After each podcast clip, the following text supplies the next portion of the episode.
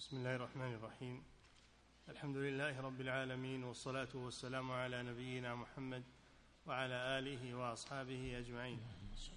أما بعد قال المؤلف رحمه الله تعالى ومن علامات صحته أن يكون اهتمامه بتصحيح العمل أعظم منه بالعمل. فيحرص بسم الله الرحمن الرحيم. من علامات صحة القلب أن يكون اهتمامه بقبول العمل يكون اهتمامه بقبول العمل الذي عمله أكثر من اهتمامه بالعمل. لأن العبرة بالمقبول لا بنوع العمل العبرة بالمقبول. قال الله جل وعلا إنما يتقبل الله من المتقين. ومن يضمن لنفسه أنه من المتقين. ف والله جل وعلا قال والذين يؤتون ما آتوا يعني من الأعمال الصالحة. يؤتون ما آتوا وقلوبهم وجلة خائفة. أنهم إلى ربهم راجعون. فهم يخافون أن ترد عليهم أعمالهم. أعظم مما نخاف من أن نعذب بسيئاتنا وذلك لمعرفتهم بالله وخوفهم من الله سبحانه وتعالى. وهذا علامة صحة القلب. نعم. من علامات صحته أن يكون اهتمامه بتصحيح العمل أعظم منه بالعمل فيحرص على الإخلاص فيه والنصيحة والمتابعة والإحسان ويشهد مع ذلك منة الله عليه فيه وتقصيره في حق الله. فهذه ستة مشاهد لا يشهدها إلا القلب الحي السليم. إي نعم يكون مخلصا لله في العمل لا يكون فيه رياء ولا سمعة. ويكون محسنا له أي متقنا له لا يكون فيه نقص أو قصور. ويكون خائفا أن يرد عليه عمله. ويكون أيضا مستقلا لعمله لا يتكثر يرى أنه أنه فعل شيئا كثيرا بل يرى أن عمله قليل. مهما كان فهو قليل. هذا علامة هذه أمور تدل على صحة القلب وحياة القلب. نعم. ويشهد مع ذلك منة الله عليه فيه. وتقصيره في حق الله فهذه ستة مشاهد لا يشهدها إلا القلب الحي السليم. نعم. وبالجملة فالقلب الصحيح هو الذي همه كله في الله وحبه كله له وقصده له وبدنه له وأعماله له ونومه له ويقظته له نعم وهذا كما في قول إبراهيم عليه السلام يوم لا ينفع مال ولا بنون إلا من أتى الله بقلب سليم. سليم يعني لله يكون القلب سليما لله عز وجل ليس لأحد فيه شركة بوجه من الوجوه هذا هو القلب السليم. الذي ينجو يوم القيامة صاحبه من عذاب الله إلا من أتى الله بقلب سليم. فيعتبر جميع أعماله وتحركاته وسكناته وأخذه وعطائه لله عز وجل. والله جل وعلا قال لنبيه محمد صلى الله عليه وسلم قل إن صلاتي ونسكي ومحياي ومماتي لله رب العالمين لا شريك له وبذلك أمرت وأنا أول المسلمين. هذا هو المخلص لله عز وجل. نعم. ونومه له ويقظته له وحديثه والحديث عنه أشهى إليه من كل حديث. وأفكاره؟ نعم وذكر الله أشهى عليه من كل كلام من كل حديث من أحاديث الناس. نعم. وأفكاره تحوم على مراضيه ومحابه. وأفكار هذا القلب تحوم على مراض الله ومحابه. ما يحبه الله في تفكيره دائما في العمل الذي يحبه الله فيأتيه ويعمله. نعم. والخلوة به آثر عنده آثر عنده من الخلطة. الخلوة بالله لذكر الله وعبادته أحب إليه من الاختلاط بالناس. فهو يأنس بالله أكثر مما يأنس بالجلساء والناس. يأنس بالله سبحانه وتعالى. نعم. والخلوة به آثر عنده من الخلطة إلا حيث تكون الخلطة أحب إليه وأرضى له. إلا إذا كانت الخلطة بالناس مما يحبها الله كان يختلط بهم لدعوتهم إلى الله لهدايتهم تذكيرهم أمرهم بالمعروف ونهيهم عن المنكر.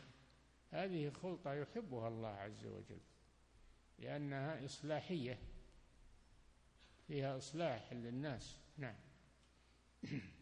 وهذا هو التفصيل في الخلطة. أيهما أفضل؟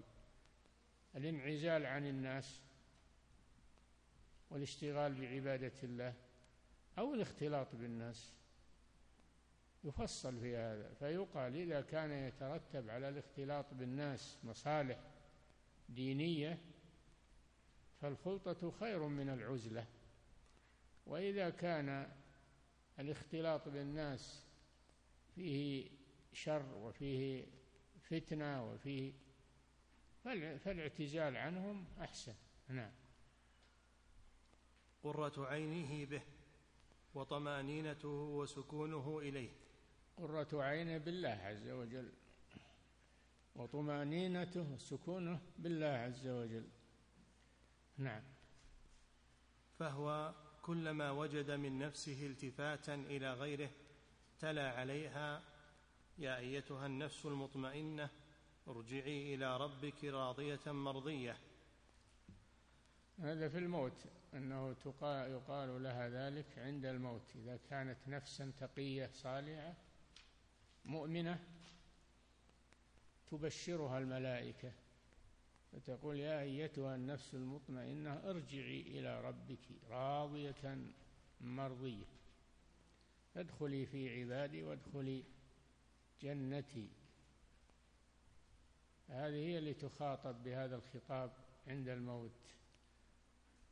وكذلك الإنسان يخاطب يخاطب نفسه بذلك. إذا انطلقت إلى الغفلة وإلى الانشغال بالدنيا والانشغال بالناس قال لها يا أيتها النفس المطمئنة ارجعي إلى ربك ارجعي إلى ذكر الله وإلى طاعة الله عز وجل. نعم. فهو كلما وجد من نفسه التفاتا إلى غيره تلا عليها يا أيتها النفس المطمئنة ارجعي إلى ربك راضية مرضية. الرجوع إلى الله يشمل الرجوع بالموت ويشمل الرجوع بالطاعة الرجوع إلى الطاعة. نعم والذكر بدل الغفلة. نعم. فهو يردد عليها الخطاب بذلك ليسمعه من ربه يوم لقائه. فمن قال لنفسه في الدنيا ارجعي إلى ربك أي إلى طاعته وإلى ذكره وإلى محبته فإنه يخاطب بذلك عند الموت فيقال له يقال لنفسه يا أيتها النفس المطمئنة. نعم. فينصبغ القلب بين يدي إلهه ومعبوده الحق بصبغة العبودية. نعم صبغة العبودية.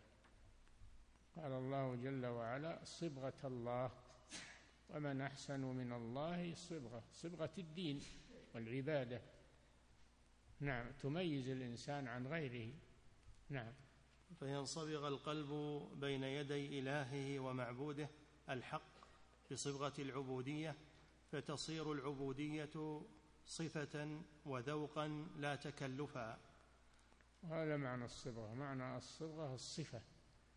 الصفة التي تتميز بها عن غيرها فنفس المؤمن وتصرفات المؤمن تتميز عن غيره من الغافلين.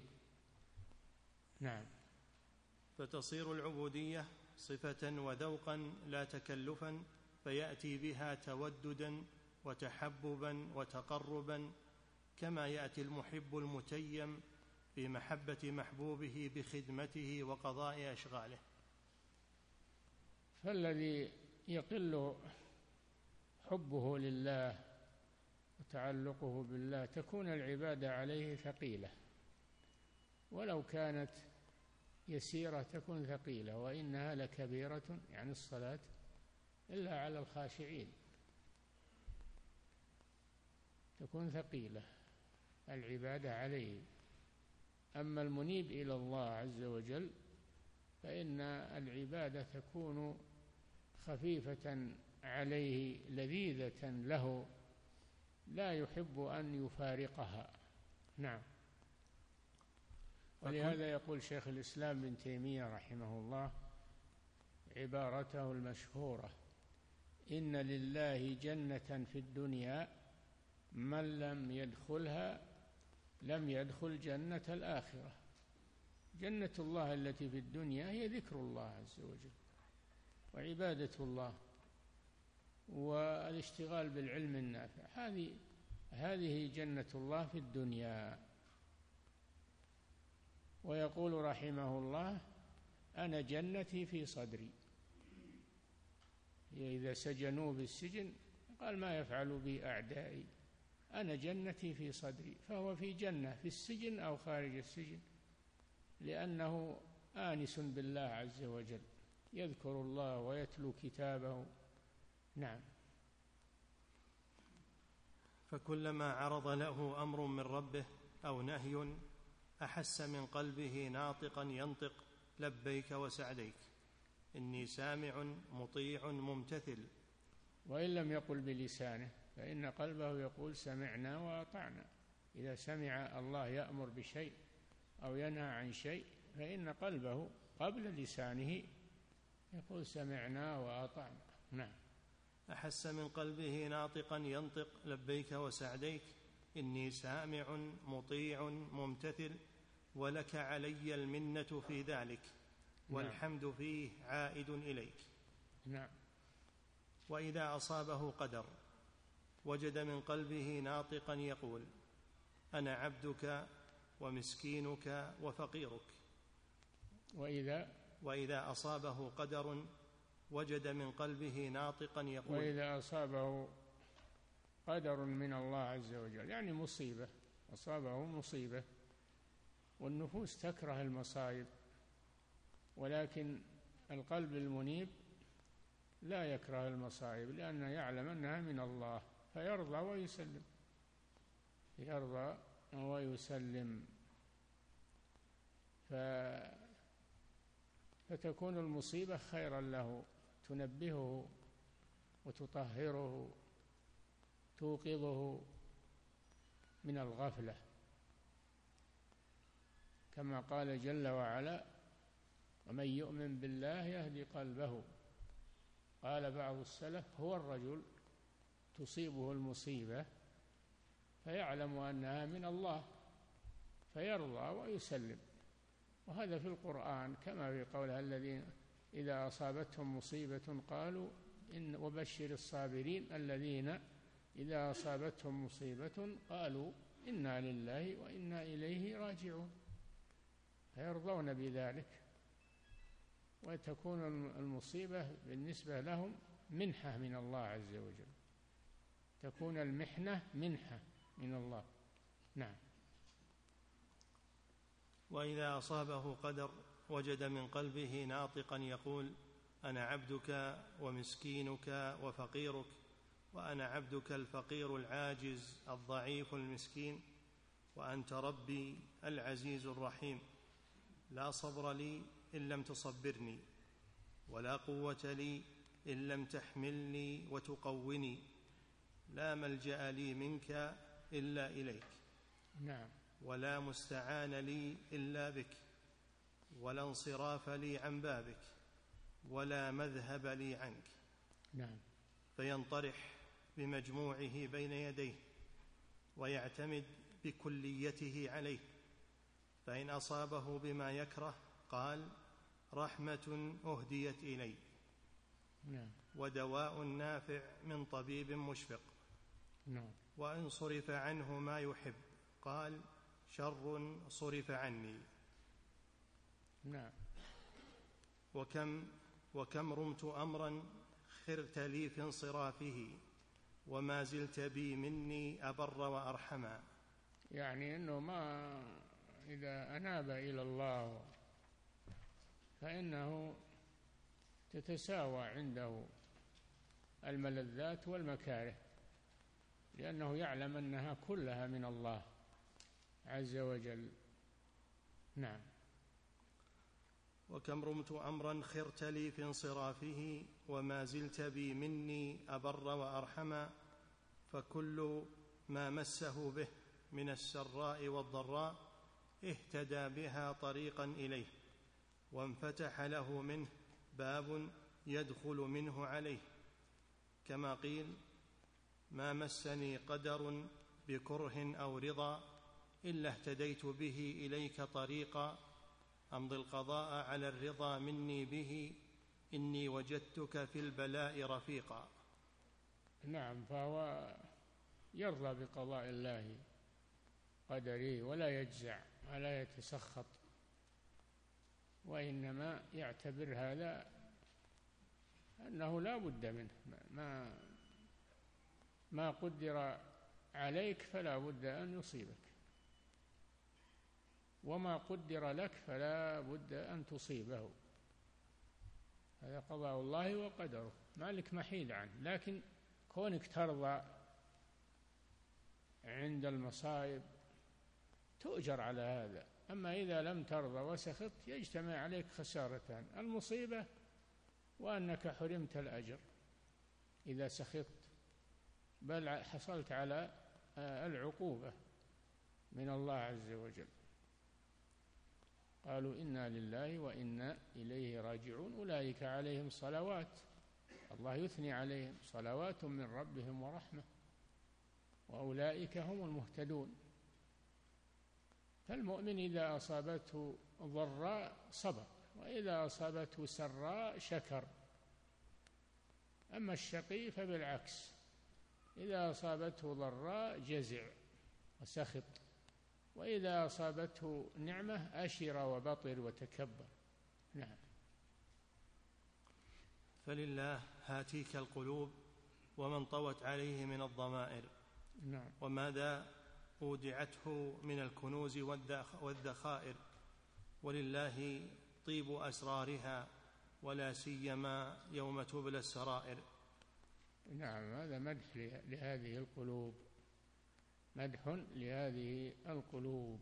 نعم. تبلى السرائر يعني تختبر تختبر آه، آه، القلوب يوم القيامة والصدور. نعم. سيبدو لها طيب ونور وبهجة وحسن ثناء يوم تبلى السرائر. نعم. تالله تالله لقد رفع لها علم عظيم فشمرت إليه. واستبان لها صراط مستقيم فاستقامت عليه ودعاها ما دون مطلوبها الأعلى فلم تستجب له واختارته على ما سواه وآثرت ما لديه. نعم هذه القلوب المهتدية. نعم. الباب الحادي عشر. نعم. في علاج مرض القلب من استيلاء النفس عليه. اي نعم. علاج مرض القلب. القلب يمرض بالشهوات والشبهات والمعاصي. هذه كلها مرض للقلب. في قلوبهم مرض فزادهم الله مرض. هذا المنافقين. فالقلب يمرض. فإن لم يعالجه صاحبه مات. يعالجه بالطاعة وذكر الله عز وجل والتوبة. هذا علاجه. فإذا لم يعالجه تعاظم به المرض ثم يموت يصبح قلبه ميتا. لا يعرف معروفا ولا ينكر منكرا. نعم. الباب الحادي عشر في علاج مرض القلب من استيلاء النفس عليه. هذا الباب كالأساس والأصل لما بعده من الأبواب. نعم. فإن سائر أمراض القلب إنما تنشأ من جانب النفس. فالمواد النفس الأمارة بالسوء. النفس الأمارة بالسوء تؤثر على القلب. نعم. فإن سائر أمراض القلب إنما تنشأ من جانب النفس فالمواد الفاسدة كلها إليها تنصب ثم تنبعث منها إلى الأعضاء وأول ما تنال القلب وقد كان رسول الله صلى الله عليه وسلم يقول في خطبة الحاجة الحمد لله نستعينه ونستهديه ونستغفره ونعوذ بالله من شرور أنفسنا ومن سيئات أعمالنا. نعم الشاهد في قوله نعوذ بالله من شرور أنفسنا. النفس فيها شر على صاحبها. إذا أهملها وتركها فإنها تجره إلى الهلاك. العاجز من أتبع نفسه هواها وتمنى على الله الاماني ومن أطاع نفسه أهلكته. ولهذا الله يحثنا على تزكية نفوسنا وعلى الأخذ بزمامها إلى الطاعات لأنها تنفر من الطاعات لكن نأخذ بزمامها. قد أفلح من زكاها قد خاب من دساها يعني النفس ونفس وما سواه فألهمها فجورها وتقواها قد أفلح من زكاها. زكاها بطاعة الله عز وجل. طهرها زكاها يعني طهرها من المعاصي السيئات بطاعة الله عز وجل. وقد خاب من دساها دسى نفسه دنسها ودسها في التراب بدل أن يرفعها بالطاعة. هذا خاسر. خاب قد أفلح من زكاها وقد خاب من دساها. فالنفس تحتاج إلى انتباه من صاحبها لئلا تطمح به إلى الهلاك. نعم. ولا الإنسان يهتم بنفسه. نعم. وفي المسند والترمذي من حديث حسين بن عبيد أن رسول الله صلى الله عليه وسلم قال له يا حسين كم تعبد اليوم؟ أما من طغى وآثر الحياة الدنيا فإن الجحيم هي المأوى. وأما من خاف مقام ربه ونهى النفس شوف ونهى النفس عن الهوى. خاف مقام ربه تذكر قيامه بين يدي الله. ونهى النفس عن الهوى. فإن الجنة هي المأوى. نعم. وفي المسند والترمذي من حديث حسين بن عبيد أن رسول الله صلى الله عليه وسلم قال له يا حسين كم تعبد اليوم إلها؟ نعم هذا حسين أبو عمران بن حسين رضي الله عنهما كان مشركا. فسأله النبي صلى الله عليه وسلم كم تعبد من الآلهة يا حسين؟ نعم. قال سبعة. يعبد سبعة.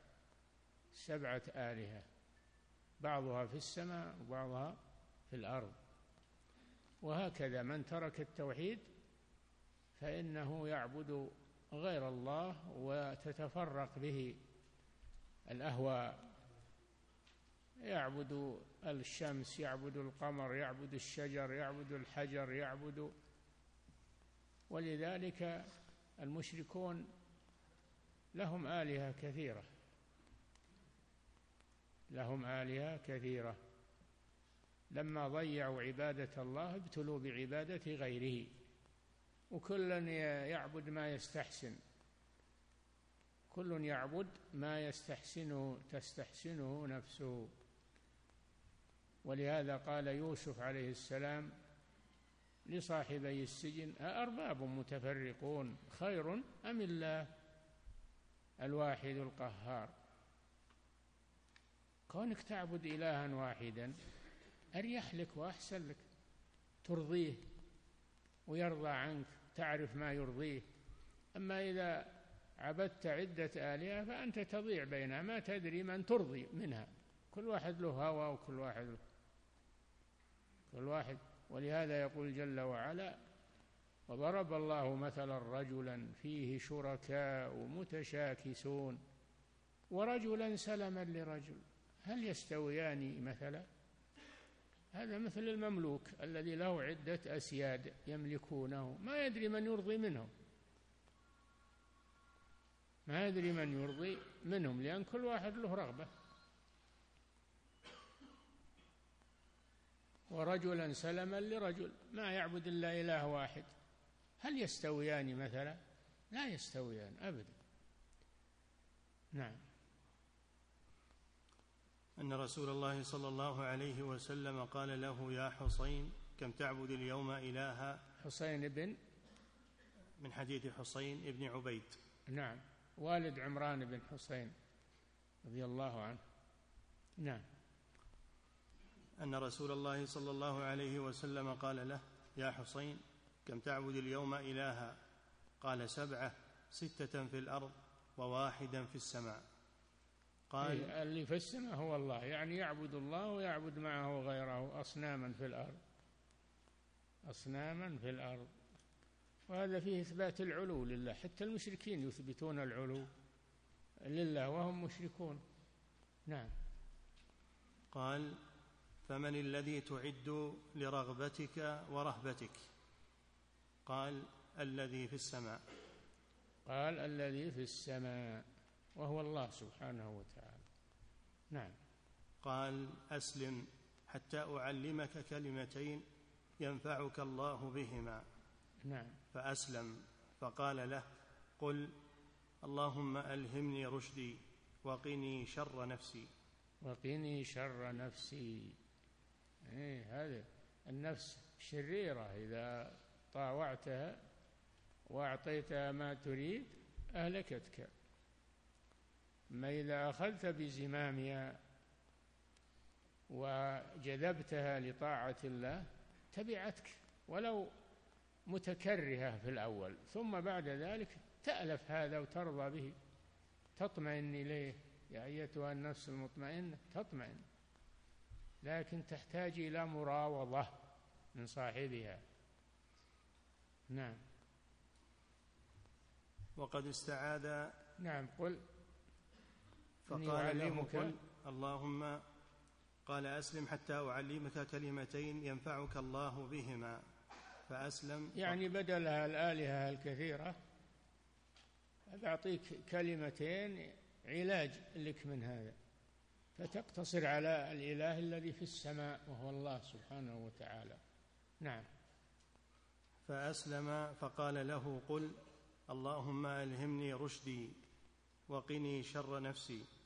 أي نعم هذه الكلمتين ألهمني رشدي يعني يسر لي الرشد. والرشد ضد الغي. الرشد ضد الغي. ألهمني رشدي. وقني شر نفسي هذه الكلمة الثانية. فمن ألهم رشده وكفي شر نفسه فقد فقد فاز ونجح. نعم. وقد استعاذ النبي صلى الله عليه وسلم من شرها عموما. نعوذ في خطبة الحاجة ونعوذ بالله من شرور أنفسنا. نعم. من شرها عموما ومن شر ما يتولد منها من الأعمال. نعم. ومن شر ما يترتب على ذلك من المكاره والعقوبات. وجمع بين الاستعاذة من شر النفس وسيئات الأعمال. نعوذ بالله من شرور أنفسنا وسيئات أعمالنا. نعم.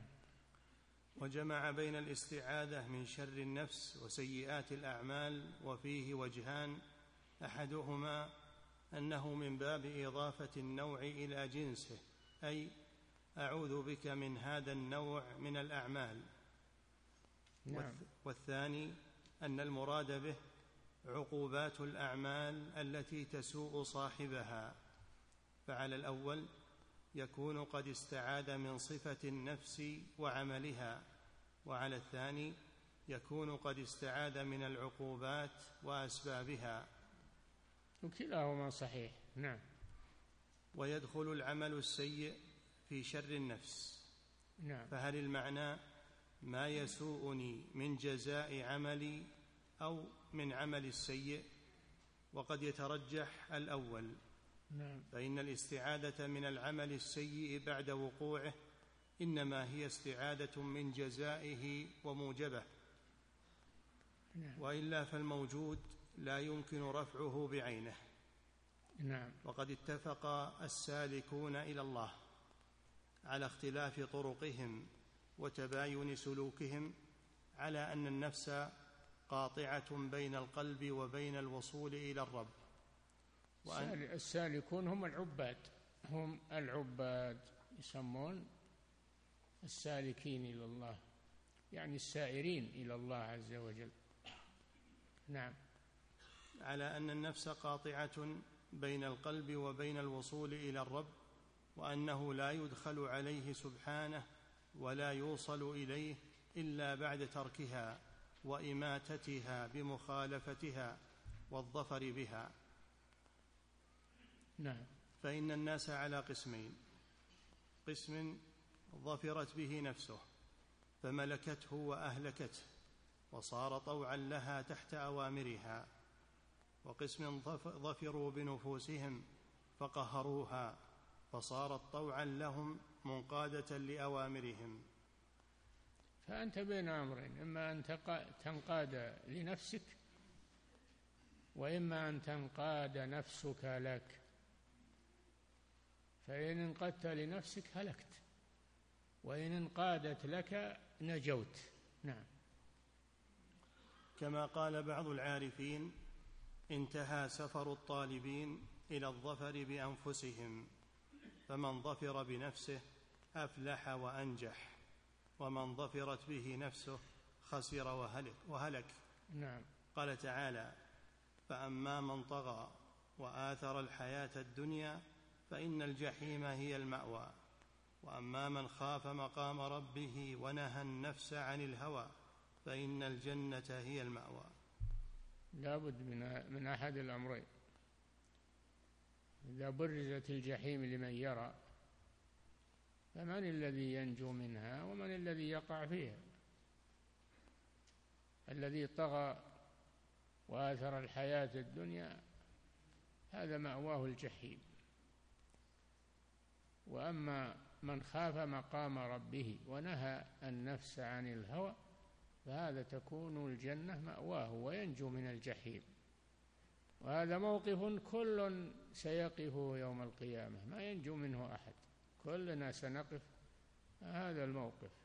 فلننظر الآن ما يخلصنا من هذا الموقف والمقام بين يدي الله عز وجل. نعم. فالنفس تدعو إلى الطغيان وإيثار الحياة الدنيا. نعم والرب النفس النفس الأمارة بالسوء دائما تدعو إلى الطغيان تدعو إلى المعاصي تدعو إلى الكسل والخمول. هذه النفس الأمارة بالسوء. نعم. فالنفس تدعو إلى الطغيان وإيثار الحياة الدنيا. والرب تعالى يدعو العبد إذا, إذا خلوت بريبة في ظلمة والنفس داعية إلى الطغيان. فاستحي من نظر الإله وقل لها إن الذي خلق الظلام يراني. نعم. فالنفس تدعو إلى الطغيان وإيثار الحياة الدنيا والرب تعالى يدعو العبد إلى خوفه ونهي النفس عن الهوى. نعم. والقلب بين الداعيين يميل إلى هذا الداعي مرة وإلى هذا مرة وهذا موضع المحنة والابتلاء. نعم. وقد وصف, وقد وصف الله سبحانه النفس في القرآن بثلاث صفات. نعم. أمارة بالسوء لوامة مطمئنة. هذه صفات النفس في القرآن. نعم. وقد وصف الله سبحانه النفس في القرآن بثلاث صفات المطمئنة والأمارة بالسوء واللوامة. نعم. فاختلف الناس. هل النفس واحدة وهذه أوصاف لها؟ أم للعبد ثلاثة أنفس؟ نفس مطمئنة ونفس لوامة ونفس أمارة. والأول قول الفقهاء والمتكلمين وجمهور أهل التفسير وقول محققي الصوفية. والثاني قول كثير من أهل التصوف. والتحقيق. أعد. فاختلف الناس. نعم. هل, هل النفس واحدة؟ وهذه أوصاف لها. النفس واحدة وهذه أوصاف لها. تارة تكون أمارة بالسوء وتارة تكون لوامة تارة تكون مطمئنة. هذا رأي. والرأي الثاني أنها ثلاث أنفس للإنسان. الإنسان له ثلاث أنفس. وسيبين الشيخ أيهما أرجح. نعم. فاختلف الناس هل النفس واحدة وهذه أوصاف لها أم للعبد ثلاثة أنفس نفس مطمئنة ونفس لوامة ونفس أمارة؟ والأول قول الفقهاء والمتكلمين وجمهور أهل التفسير وقول محقق الصوفية والثاني قول كثير من أهل التصوف. والتحقيق انها أنفس متعددة نعم. والتحقيق أنه لا نزاع بين الفريقين نعم. فإنها واحدة باعتبار ذاتها وثلاثة باعتبار صفاتها. أي نعم. فإذا اعتبرت بنفسها فهي واحدة وإن اعتبرت مع كل صفة دون الأخرى فهي متعددة. وما نعم. أظنهم يقولون إن لكل أحد ثلاث أنفس كل نفس قائمة بذاتها. ما هنا أحد له ثلاث أنفس هي نفس واحدة لكن لها ثلاث صفات. أمارة لوامة مطمئنة. نعم. وما أظنهم يقولون إن لكل أحد ثلاث أنفس كل نفس قائمة بذاتها مساوية للأخرى في الحد والحقيقة وأنه إذا قبض العبد قبضت له ثلاثة أنفس كل واحدة مستقلة بنفسها. نعم. وحيث ذكر سبحانه النفس وأضافها إلى صاحبها فإنما ذكرها بلفظ الإفراد وهكذا في سائر الأحاديث ولم يجئ في موضع واحد نفوسك. ونفوس لم, لم يقل الله نفوسكم. قال أنفسكم. أنفسكم. فهي نفس واحدة لها ثلاث صفات. نعم. والملائكة عند الموت ما تقبض للإنسان ثلاث أنفس إنما تقبض نفسا واحدة. نعم. وحيث ذكر سبحانه النفس وأضافها إلى صاحبها فإنما ذكرها بلفظ الإفراد. وهكذا في سائر الأحاديث. ولم يجئ في موضع واحد نفوسك نفوسه ولا أنفسك وأنفسه وإنما جاءت مجموعة عند إرادة العموم كقوله تعالى نعم إذا إذا أريد إنسان واحد فنفسه واحدة. إذا أريد عدة أشخاص يقال لهم أنفس بعددهم. أنفس بعددهم بعدد الأشخاص. نعم أنفسهم. آه، يقال أنفسهم يعني عدد من الناس. ما هو واحد. ما جاء في القرآن أنفس أنفسك أبدا. إنما أنفسهم أنفسكم وهكذا. نعم. وإنما جاءت مجموعة عند إرادة العموم كقوله تعالى وإذا النفوس زوجت. عموم النفوس بالنسبة لأصحابها. فنفسي ونفسك ونفس فلان ونفس هذه أنفس. لكن بالنسبة لكل واحد هو هي نفس واحدة. نعم. أو عند إضافتها إلى الجمع كقوله صلى الله عليه وسلم إنما أنفسنا بيد الله. أي لأنهم جماعة كل واحد له نفس. نعم. ولو كانت في الإنسان ثلاثة أنفس لجاءت مجموعة إذا أضيفت إليه ولو في موضع واحد. ولا جاء أنفسك ما جاء أنفسك أبدا في القرآن والسنة ولا في كلام العرب. نعم. فالنفس إذا سكنت إلى الله واطمأنت بذكره وأنابت إليه واشتاقت إلى لقائه وأنست وأنست بقربه فهي فهي مطمئنة وهي التي يقال النفس, النفس تكون أمارة بالسوء. هذا في أول الأمر. يعني الأصل فيها أنها أمارة بالسوء. فإذا دخلها الإيمان ولو كان ضعيفا صارت لوامة. تفعل السوء أو يفعل صاحبها السوء ثم تلومه على ما فعل تحثه على التوبة منه.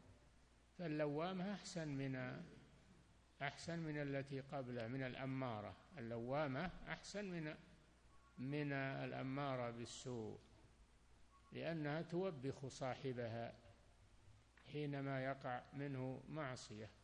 وإن كانت هي التي سولت له في الأول لكن تتراجع بسبب الإيمان الذي فيها وتلوم صاحبها.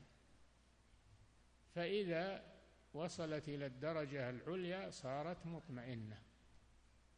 زال, زال عنها الأمر بالسوء وزال عنها اللوم وصارت مطمئنة. نعم. فأعلاها المطمئنة. وأرداها وأسفلها الأمارة بالسوء. نعم. فهي مطمئنة وهي التي يقال لها عند الموافاة. يا أيتها النفس المطمئنة. عند الوفاة ها؟ نعم الموافاة والوفاة نعم. وهي التي يقال لها عند الوفاة. يا أيتها النفس المطمئنة ارجعي إلى ربك راضية مرضية. قال ابن عباس. يا أيتها النفس المطمئنة يقول المصدقة. نعم. وقال قتادة هو المؤمن اطمأنت نفسه إلى ما وعد الله. وقال آه نعم. نعم. وقال الحسن المطمئنة بما قال الله والمصدقة بما قال. نعم. وقال مجاهد هي المنيبة المخبتة التي أيقنت أن الله ربها. وضربت جأشا لأمره وطاعته وأيقنت بلقائه. نعم أقوال متعددة لكن معناها واحد. اختلاف المفسرين اختلاف تنوع ما هو اختلاف تضاد؟ هذه الأقوال ليست متضادة وإنما هي متنوعة. نعم. وحقيقة الطمأنينة السكون والاستقرار. المطمئنة. يعني التي فيها طمأنينة والطمأنينة السكون والاستقرار. نعم. فهي التي قد سكنت إلى ربها وطاعته وأمره وذكره ولم تسكن إلى سواه فقد اطمأنت إلى محبته وعبوديته وذكره. ولا تريد سواه ما تريد سواه. اطمأنت إلى الطاعة فلا تميل إلى المعصية. نعم. فقد اطمأنت إلى محبته وعبوديته وذكره واطمأنت إلى أمره ونهيه وخبره واطمأنت إلى لقائه ووعده واطمأنت إلى التصديق بحقائق أسمائه وصفاته واطمأنت إلى الرضا به ربا وبالإسلام دينا وبمحمد صلى الله عليه وسلم رسولا واطمأنت إلى قضائه وقدره واطمأنت إلى كفايته وحسبه وضمانه فاطمأنت بأنه وحده ربها وإلهها ومعبودها ومليكها ومالك أمرها كله وأن مرجعها إليه وأنها لا غنى لها عنه طرفة عين. نعم. وإذا كانت بضد ذلك فهي أمارة بالسوء. نعم. تأمر صاحبها بما تهواه من شهوات الغي واتباع الباطل فهي مأوى كل سوء. إن أطاعها قادته إلى كل قبيح وكل مكروه. وقد أخبر سبحانه أنها أمارة بالسوء ولم يقل آمرة. لكثرة ذلك منها.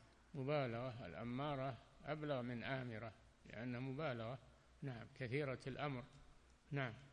وقد أخبر سبحانه أنها أمارة بالسوء ولم يقل آمرة لكثرة ذلك منها وأنه عادتها ودأبها إلا إذا رحمها الله وجعلها زاكية تأمر صاحبها بالخير فذلك من رحمة الله لا منها.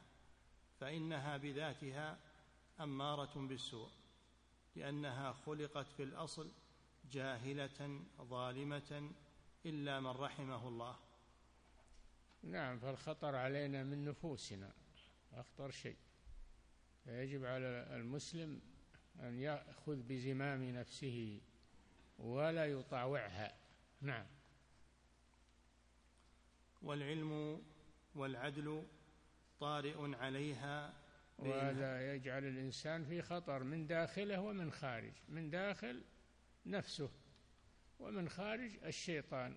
كلاهما يدعوانه إلى الهلاك. الإنسان في خطر إلا إذا لجأ إلى ربه سبحانه واعتصم به فإنه ينتصر على أعدائه. أول عدو له نفسه. نعم. لأنها خلقت في الأصل جاهلة ظالمة إلا من رحمه الله والعلم والعدل طارئ عليها بإلهام ربها. ولهذا قال إن النفس لأمارة بالسوء هذا الأصل فيها. إلا ما رحم ربي فمن رحمه الله صارت نفسه إما لوامة وإما مطمئنة. نعم. والعلم والعدل طارئ عليها بإلهام ربها وفاطرها لها ذلك. نعم. فإذا لم يلهمها رشدها بقيت على ظلمها وجهلها فلم تكن أمارة إلا بموجب الجهل والظلم. فلولا فضل الله ورحمته على المؤمنين ما زكت منهم نفس واحدة. نعم. فإذا أراد سبحانه بها خيرا جعل فيها ما تزكو به.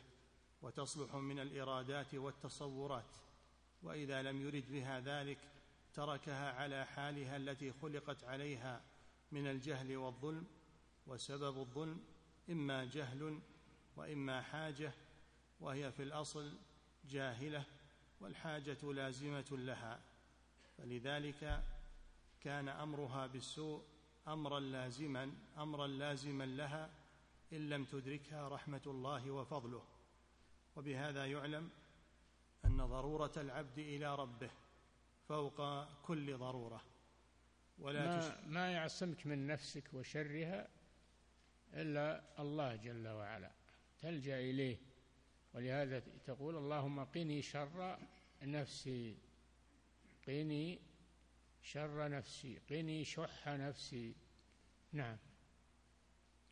وبهذا يعلم أن ضرورة العبد إلى ربه فوق كل ضرورة ولا تشبهها ضرورة تقاس بها فإنه إن أمسك عنه رحمته وتوفيقه وهدايته طرفة عين خسر وهلك.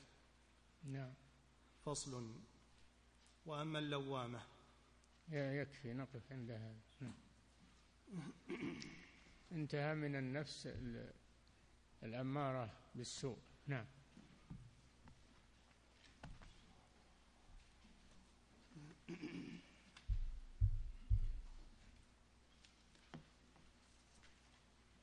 فضيلة الشيخ وفقكم الله. يقول ما حكم ولهذا جهاد النفس لهذا جهاد النفس هو أصعب الجهاد.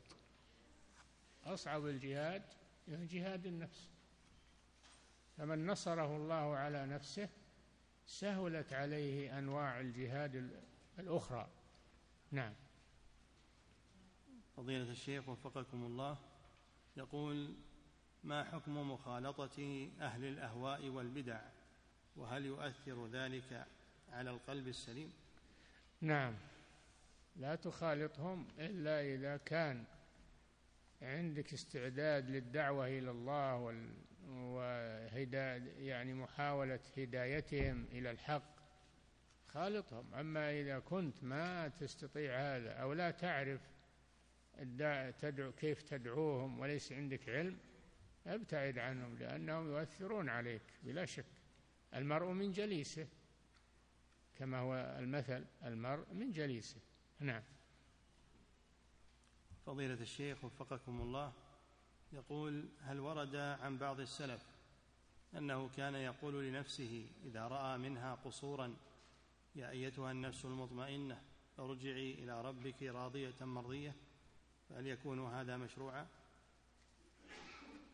ما يخاطب نفسه يخاطب الله جل وعلا. قني شر نفسي اهدي, اهدي نفسي أعني على نفسي. نعم. فضيلة الشيخ وفقكم الله يقول هل الخوف الشديد من الموت يعد مرضا من أمراض القلوب؟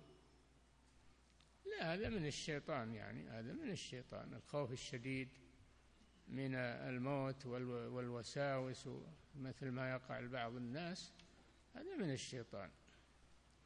الإنسان يعلم أنه سيموت بلا شك يعلم أنه سيموت ولكن لا يزيد به الخوف من الموت إلى أن يوسوس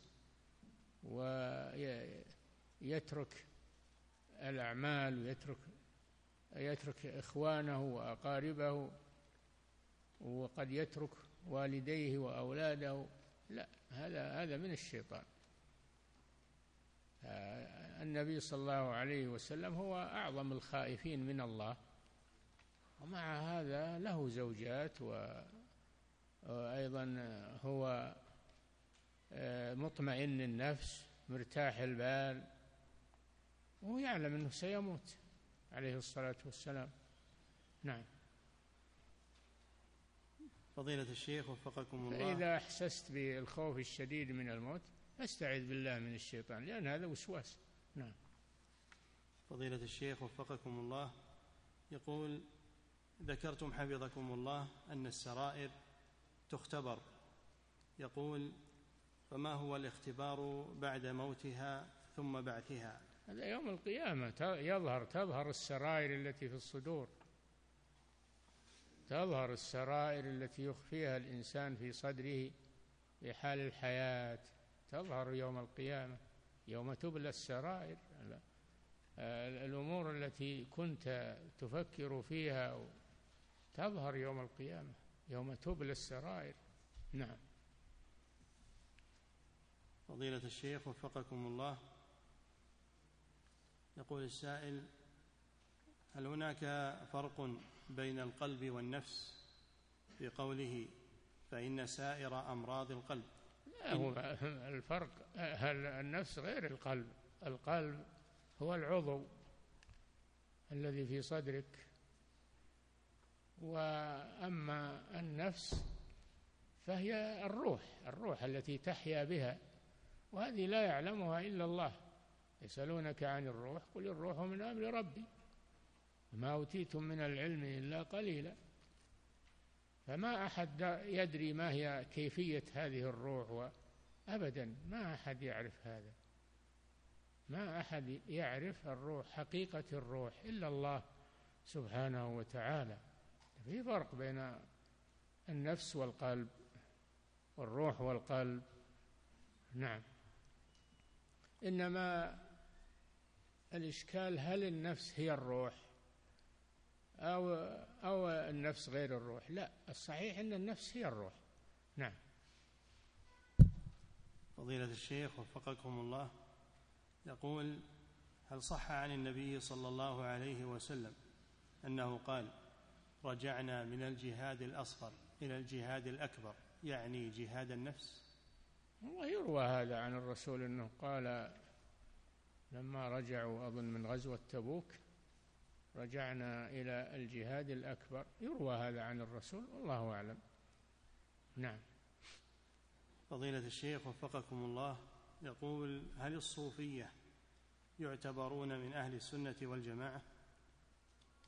الصوفية العباد المستقيمون على الكتاب والسنة هؤلاء من أهل السنة والجماعة. أما الصوفية الضلال والمنحرفون هؤلاء بعضهم صار ملحدا مثل ابن عربي وغيره وابن الفارض ملاحدة بعضهم والعياذ بالله.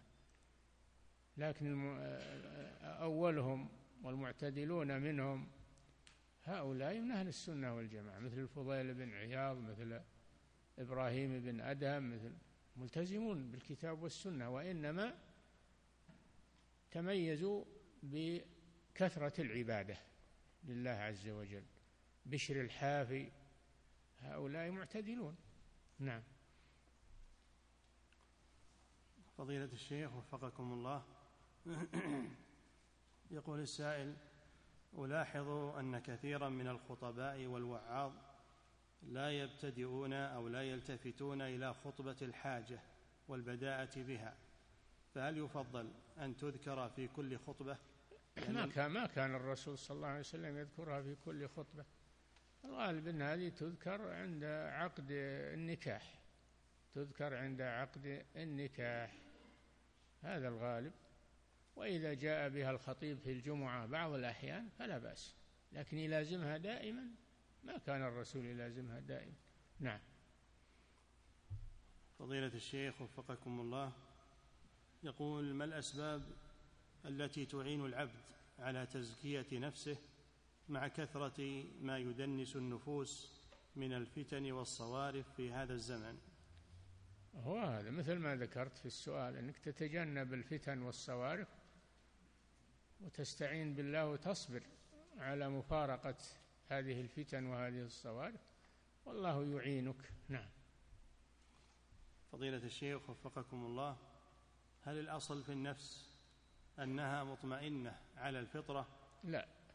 كما سمعتم ظلومة جهولة. إلا من رحم الله إلا النفس التي رحمها الله وهداها. وإلا مثل الإنسان إن الإنسان لظلوم كفار هذا الأصل فيه. لكنه إذا هداه الله خرج من هذا. نعم.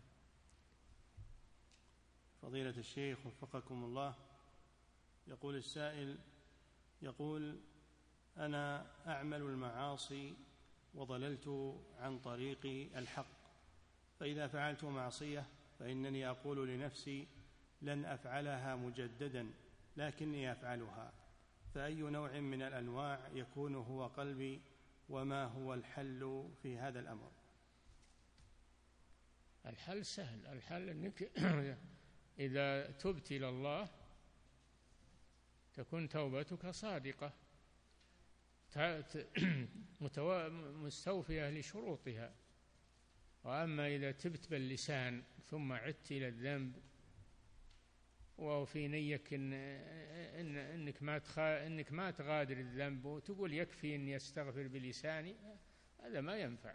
الاستغفار باللسان والتوبة باللسان ما تنفع أبدا. نعم. نعم. فضيلة الشيخ وفقكم الله. لهذا الله جل وعلا كثيرا ما يقول الذين تابوا وعملوا تابوا وعملوا الصالحات إلا من تاب وآمن وعمل عملا صالحا. ما فالذي يتوب بلسانه ولا يعمل هذا ما, ما تاب. نعم. فضيلة الشيخ وفقكم الله يقول هل هناك فرق بين الهوى وبين النفس؟ الهوى من صفات النفس. الهوى من صفات النفس. العاجز من أتبع نفسه هواها. فهو من صفاتها. نعم. فضيلة الشيخ وفقكم الله يقول كيف الجمع بين قوله سبحانه إنك لا تهدي من أحببت ولكن الله يهدي من يشاء وبين قوله سبحانه وإنك لتهدي إلى صراط مستقيم؟ نعم. الهداية على قسمين. هداية الدلالة والإرشاد وهذه يملكها الرسول صلى الله عليه وسلم. يملكها كل داعية إلى الله. هداية الدلالة والإرشاد والبيان. وأما هداية القلب فهذه لا يملكها إلا الله. إنك لا تهدي من أحببت لا تهدي القلوب هذه بيد الله سبحانه. ولكن أنت تهدي بالبيان والدعوة والإرشاد كما قال جل وعلا وأما ثمود فهديناهم. فهديناهم. فاستحبوا العمى على الهدى يعني دللناهم على الحق ولم يقبلوه. نعم. فضيلة الشيخ وفقكم الله يقول ورد في الحديث عن النبي صلى الله عليه وسلم كل مولود يولد على الفطرة. قد أشكل علي الجمع بينه وبين ما ذكره ابن القيم بأن الأصل في النفس أنها أمارة بالسوء. الفطرة هي الدين دين الإسلام هو الفطرة. هو الفطرة. كما قال سبحانه وتعالى آه كما قال سبحانه وتعالى فطرة الله. التي فطر الناس عليها ذلك الدين القيم. فالأصل في الإنسان أنه على الفطرة السليمة وإنما التربية السيئة هي التي تحرفه فأبواه يهودانه أو ينصرانه أو يمجسانه. ولم يقل أو يسلمانه لأن الأصل الإسلام لكن التربية السيئة تحرف المولود. تحرفه عن الإسلام. فأقم وجهك للدين حنيفا. فطرة الله التي فطر الناس عليها لا تبديل لخلق الله. ذلك الدين القيم. فالفطرة هي الدين القيم والإسلام. هذا الأصل في في في المولود. هذا الأصل في المولود.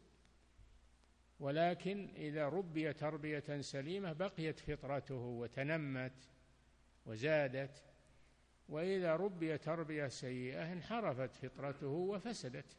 نعم. فضيلة الشيخ وفقكم الله يقول بعض من الناس يقول هذه الكلمة وهي الله سبحانه في كل مكان فإذا قلت له إن هذه لفظة خاطئة لا يجوز الكلام هذا لا يجوز الكلام هذا. كلام الحلولية. هذا كلام الحلولية. أما لو قال الله معبود في كل مكان نعم الله معبود في كل مكان. أو قال علم الله في كل مكان هذا صحيح. أما أن أن الله في بذاته في كل مكان هذا كفر. هذا مذهب الحلولية والعياذ بالله. الله في السماء جل وعلا. نعم. حفظك الله يقول فإذا قال هذه الكلمة فأنكرنا عليه قال أقصد علمه في كل مكان. إيه ورا ما يقول علمه في كل مكان وشو له يقول الله في كل مكان؟ في فرق بين الله وبين العلم؟ نعم. فضيلة الشيخ وفقكم الله يقول ما معنى ما ورد عنه صلى الله الله لا يخفى عليه شيء في الأرض ولا في السماء فعلمه في كل مكان. وأما ذاته سبحانه فهو فوق السماوات على العرش استوى. نعم.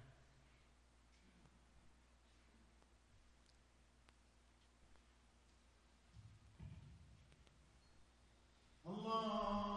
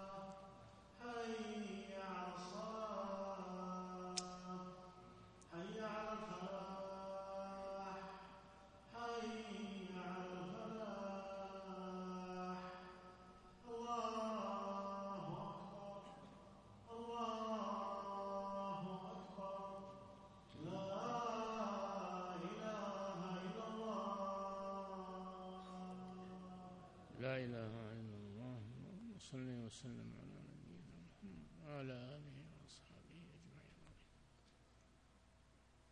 محمد صلى الله عليه وسلم. نعم. فضيلة الشيخ وفقكم الله.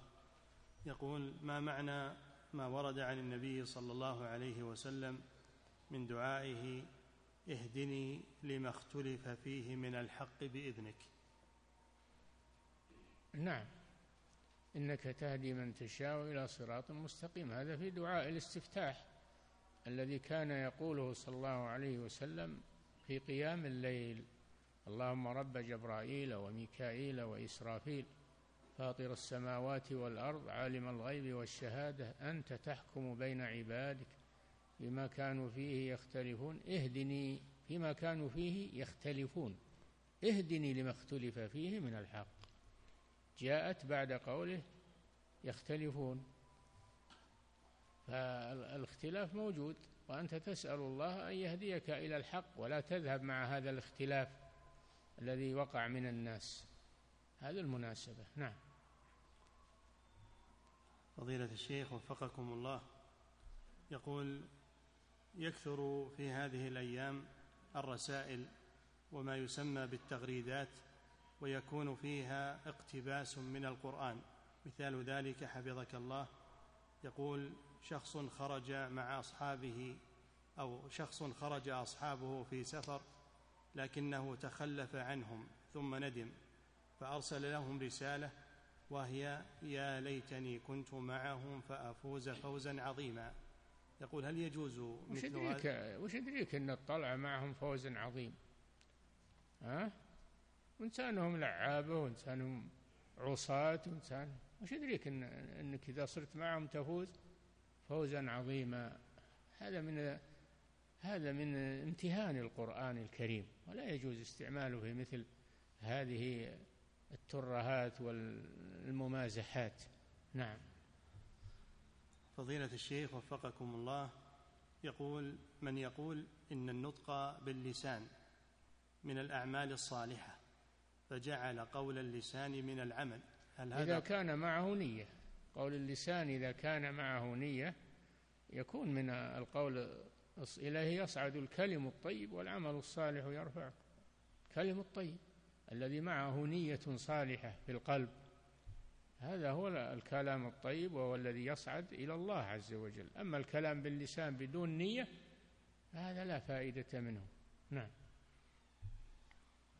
فضيلة الشيخ وفقكم الله هذا سائل من بلاد بلاد الكفر يقول يقول مسلم ومسلمة في بلاد الكفر عقد النكاح عند امرأة بدون ولي وبدون شهود لأنهما لم يجدا من يعرف أحكام النكاح إلا هذه المرأة. السؤال هل يقران على هذا العقد السابق؟ هذا يعرض. على المحكمة الشرعية. يذهبان إلى المحكمة الشرعية والمحكمة تنظر في العقود. نحن ما نتعرض للعقود. هذه تبع المحاكم. ولكن في البلاد الكافرة ما تخلو بلاد من مركز إسلامي. ما ولا من جاليات إسلامية. ما تخلو. فلو ذهب إلى المركز الإسلامي وعقد عند رئيس المركز يكون العقد صحيحا. لأن رئيس المركز في بلاد الكفر يكون بمنزلة ولي الأمر في بلاد المسلمين. نائب عنه. نعم.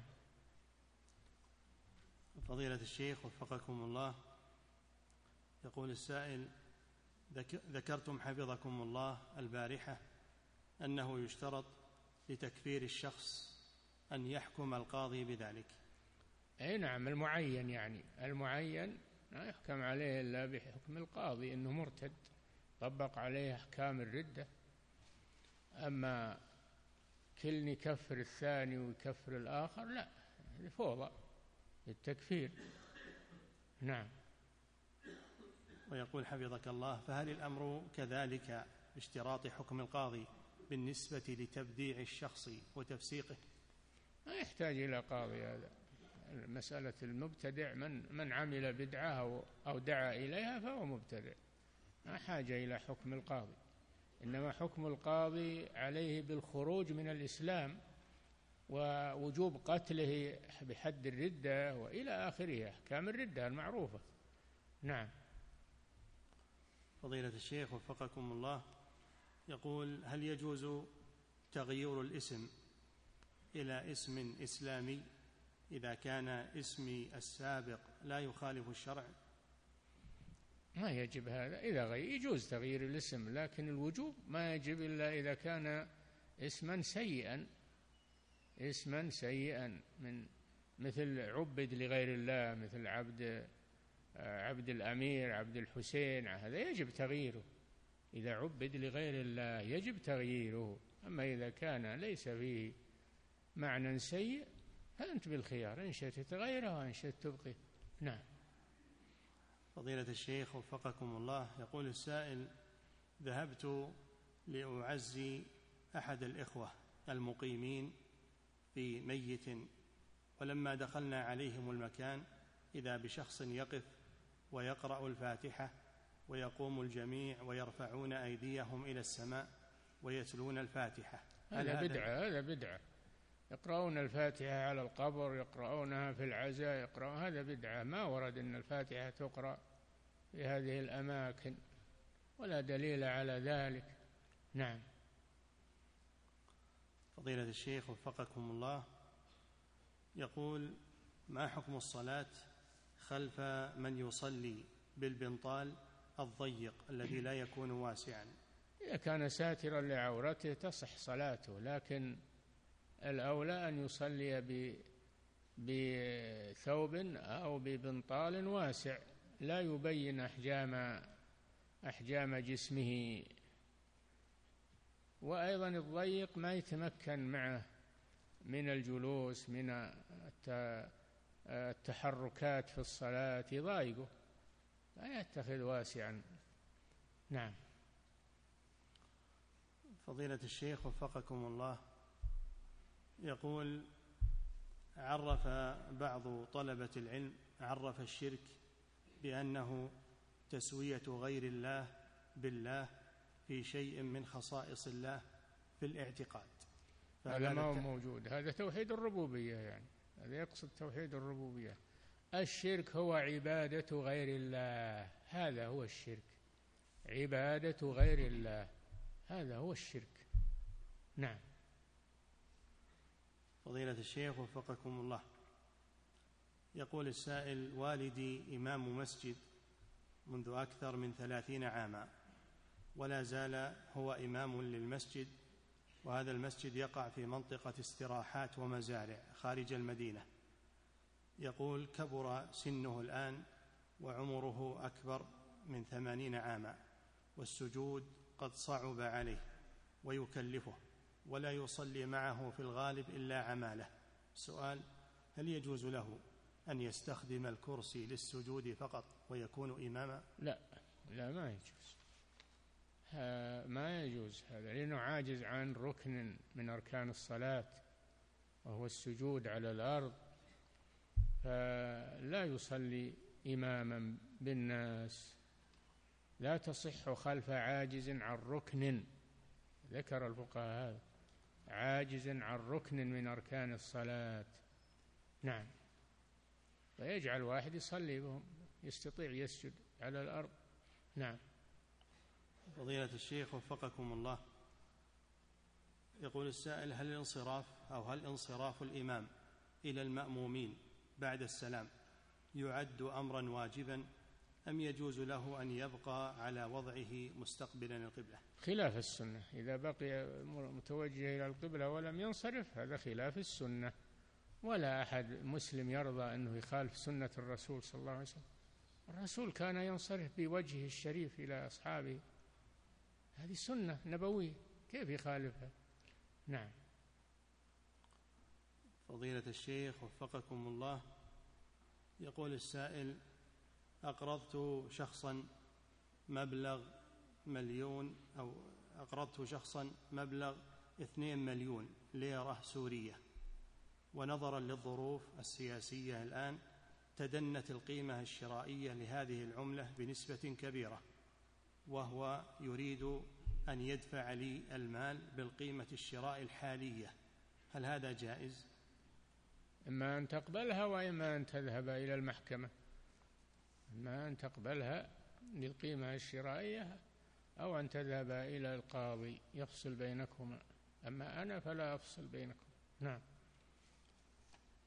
فضيلة الشيخ وفقكم الله يقول هل طلبي الحصول على معدل عال في الجامعة يعد من الرياء؟